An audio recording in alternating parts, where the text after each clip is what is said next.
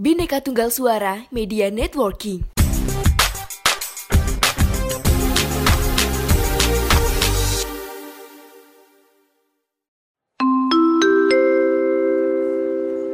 Mohon perhatian. Sekali lagi kami sampaikan, bikin podcast dengan Anchor dijamin gampang. Gak percaya? Langsung buktiin aja. Anchor, teman setia podcaster.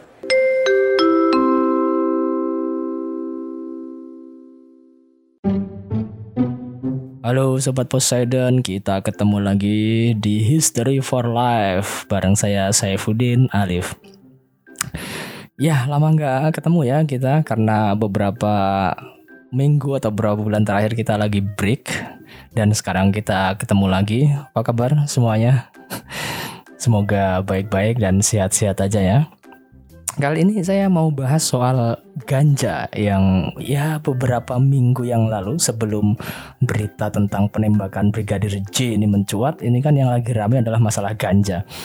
Wacana legalisasi legalisasi pohon ganja untuk kepentingan medis dan ekspor itu kembali mencuat. Apalagi Menteri Kesehatan ini sudah kasih lampu hijau yaitu bakal keluarnya regulasi terkait ganja untuk kepentingan medis. Cuma beberapa hari yang lalu keluar juga putusan MK yang menolak legalisasi ganja medis. Alasannya sih ya masih pakai alasan yang lama, bisa memicu ketergantungan dan sebagainya. Kepala BNN juga sama, masih dalam posisi menolak penggunaan ganja sekalipun untuk medis. Ya, saya nggak tahu ya ada masalah apa di balik uh, masalah ganja ini. Cuma saya nggak fokus ke sana, saya fokus ke perjalanan sejarah ganja aja.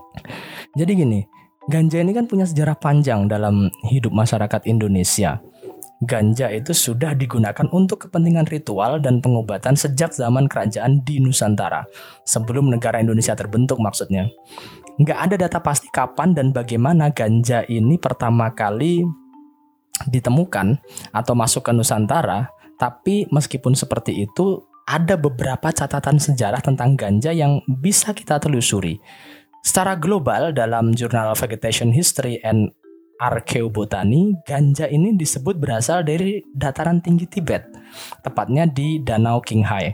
Sementara itu dari Kamus Sejarah Indonesia itu dikatakan di sana bahwa ganja berasal dari lautan Kaspia yang ada di Jawa pada abad eh dan kemudian dibawa ke Jawa pada abad ke-10 dan belum ada informasi yang akurat sebenarnya tentang daerah asal ganja dan bagaimana penyebarannya. Nah, sekarang bagaimana ganja itu masuk ke Indonesia atau ke Nusantara? Menurut Direktur Eksekutif Yayasan Sativa Nusantara, Inang Winarso, ganja ini pertama kali dibawa oleh pedagang dan pelaut Gujarat dari India ke Aceh sekitar abad ke-14. Menurutnya, ganja ini digunakan oleh orang Gujarat sebagai alat transaksi perdagangan. Jadi ganja ini ditukar dengan cengkeh, dengan kopi, lada, vanili, dan juga jenis rempah-rempah yang lain. Suku Gujarat juga diperkirakan membawa ganja ke wilayah Nusantara bagian timur seperti Maluku yang waktu itu menjadi pusat rempah-rempah dunia. Selain itu, ada juga relief gambar daun ganja yang ditemukan di Candi Kendali Soto yang berada di uh, Gunung Penanggungan, daerah Mojokerto. Candi Kendali Sodo ini adalah candi siwa yang bertingkat tiga.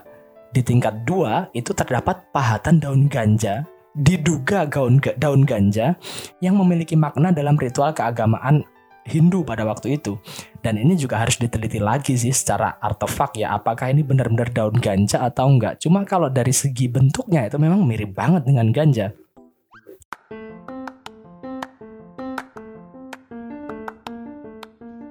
Halo Sobat Poseidon, kalian pasti sudah tidak asing lagi dengan Anchor. Yap, aplikasi penyedia jasa untuk para podcaster pemula dan juga pro. Buat kalian yang pengen mulai nge-podcast, langsung download aja Anchor di App Store ataupun di Play Store. Di sana, kalian bisa nge-podcast dengan banyak banget pilihan background musik. Setelah itu, kalian bisa mempromosikan podcast kalian ke mana pun. Secara otomatis, nanti akan di-sharekan oleh Anchor sendiri. So, tunggu apa lagi? Cus, nge-podcast bareng Anchor. Nah sekarang kita coba melihat tanda kutip tradisi mengganja ya di masyarakat Nusantara. Tradisi mengganja itu diabadikan loh ternyata di kitab Tajul Muluk. Jadi selama beratus-ratus tahun ganja ini ternyata dimanfaatkan oleh masyarakat Nusantara untuk kepentingan ritual, pengobatan, bahan makanan dan juga pertanian. Masyarakat Aceh itu yang paling aktif memanfaatkan ganja dalam kehidupan sehari-hari mereka. Um, bahkan istilah ganja ya itu tertulis dalam bab pengobatan di manuskrip kitab kuno Tajul Muluk di Aceh. Kitab ini adalah bukti awal yang telah terkonfirmasi tentang jejak ganja dan penggunaannya di Indonesia. Menurut keterangan Lingkar Ganja Nusantara, kitab Tajul Muluk adalah naskah kuno yang berasal dari Arab, dibawa masuk ke Aceh oleh saudagar dan pedagang dari Persia sekitar abad ke-16. Naskah asli dan manuskrip kuno itu awalnya adalah tulisan tangan dengan menggunakan huruf dan bahasa Arab yang kemudian diterjemahkan ke bahasa Melayu.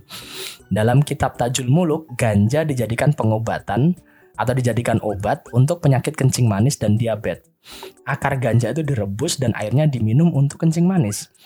Ganja juga digunakan oleh masyarakat-masyarakat di Aceh untuk bumbu penyedap masakan dan untuk menambah nafsu makan seperti untuk kuah e, belangong, kari kuah bebek, bubur rempah bernama iebu pedah dan juga makan makanan rempah yang lain. Kemudian ganja digunakan sebagai campuran kopi juga ternyata di sana. Bahkan pohon ganja juga berfungsi sebagai pengusir hama tanaman. Untuk pertanian, ganja itu ditanam di pinggir area persawahan sehingga hama serangga nggak akan makan padi karena aroma dari daun bunga dan biji itu kan sudah menyengat banget buat hewan. Dan ganja juga sudah menjadi bagian dari budaya masyarakat Aceh selama ratusan tahun. Dan ternyata nggak cuma di Aceh, jejak ganja itu ternyata ada juga di Maluku, khususnya daerah Ambon. Ahli botani Jerman Belanda Rumphius pada tahun 1741 menulis buku berjudul Herbarium Amboinense. Dalam buku itu, ganja digunakan oleh masyarakat Maluku untuk kepentingan ritual dan juga pengobatan. Dijelaskan di situ ganja dihisap untuk menimbulkan efek rileks saat bermeditasi dan melakukan ritual. Orang Maluku waktu itu menggunakan akar ganja untuk mengobati penyakit kencing nanah atau gonore. Kemudian daun ganja dicampur pala dan diseduh itu berfungsi sebagai teh untuk gangguan asma, kemudian nyeri dada dan juga sekresi empedu. Dan ngomong-ngomong soal ganja, ternyata kalau kita telusuri di arsip-arsip Belanda ya, akhir abad ke-19 terutama, iklan ganja itu muncul di beberapa koran berbahasa Belanda di Hindia Belanda. Iklan itu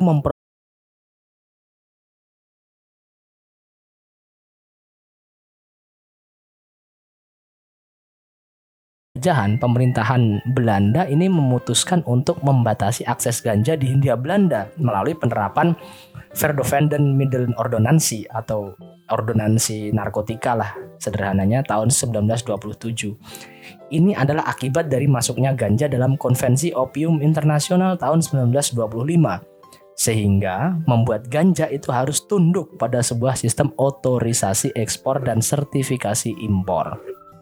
Kembali ke tradisi masyarakat Nusantara soal ganja, masyarakat Nusantara itu menganggap ganja sebagai rempah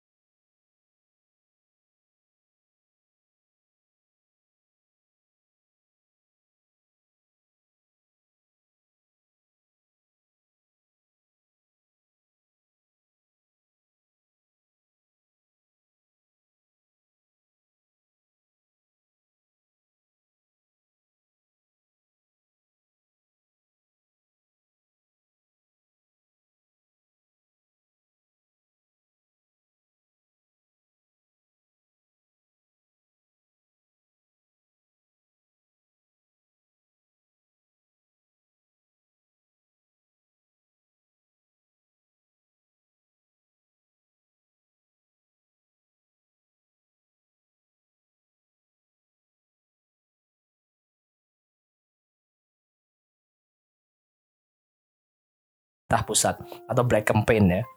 Black Campaign itu isinya adalah bahwa orang Meksiko mereka katakan tiap sore mabuk-mabukan, minum ganja, membuat onar, memperkosa perempuan Amerika dan sebagainya. Tokoh terkenal dari kampanye rasial dan anti ganja itu adalah Harry Anslinger tahun 1930-an. Kampanye hitam itu tidak berdasarkan riset sama sekali ya ternyata. Dan di saat yang bersamaan ganja ini adalah bahan baku serat pakaian di dunia. Sementara di Amerika sedang berkembang pesat serat sintetis dari plastik. Para pengusaha serat sintetis itu tadi kemudian bermanuver kepada para politisi Amerika untuk melarang tanaman ganja yang implikasinya itu adalah pelarangan penggunaan serat ganja. Dua kepentingan sekaligus ya, yaitu pertama kepentingan politik untuk menyingkirkan para imigran dari Meksiko supaya tidak dipekerjakan lagi dan yang kedua adalah kepentingan ekonomi untuk mempopulerkan serat plastik. Pelarangan ganja ini berkembang menjadi isu internasional hingga akhirnya tahun 1961 keluar konvensi tunggal tentang narkotika yang memasukkan ganja sebagai bagian dari narkotika setara dengan opium dan juga kokain. Indonesia sendiri meratifikasi konvensi itu 15 tahun kemudian waktu Presiden Soeharto menjabat melalui Undang-Undang Narkotika Nomor 8 Tahun 1976 Akibatnya apa? Akibatnya seluruh budaya, spiritual, dan sejarah kita tentang ganja tiba-tiba dilarang tanpa ada riset ilmiah, hanya mengikuti konferensi internasional yang diwarnai kepentingan politik rasial dan ekonomi itu tadi. Maka sejak saat itu juga pemberitaan di media massa tentang ganja itu berubah drastis dari yang menggambarkan manfaat pengobatan ganja menjadi penangkapan pengguna dan pengedar ganja di Indonesia. Ganja kemudian dipandang menjadi barang haram yang harus dijauhi karena tidak ada manfaatnya dan membunuh generasi muda. Polisi juga secara represif mengejar, menangkap, dan memenjarakan orang yang membawa ganja. Terjadi pembumi hangsan ganja di Indonesia sejak saat itu. Terus gimana ganja hari ini? Ya harus diakui ya bahwa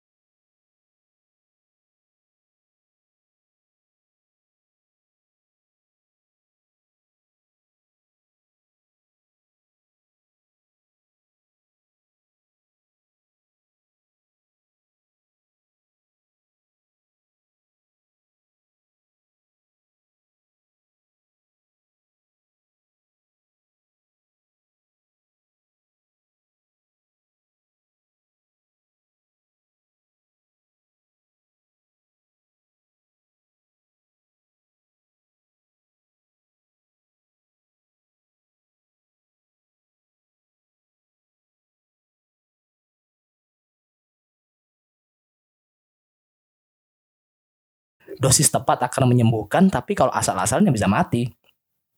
Maka kalau uh, saya ditanya gimana pendapat soal legalisasi ganja, ya saya sih setuju-setuju aja, tapi ya dengan syarat tadi, syaratnya harus diatur secara ketat supaya ganja itu legal untuk orang-orang yang benar-benar membutuhkan.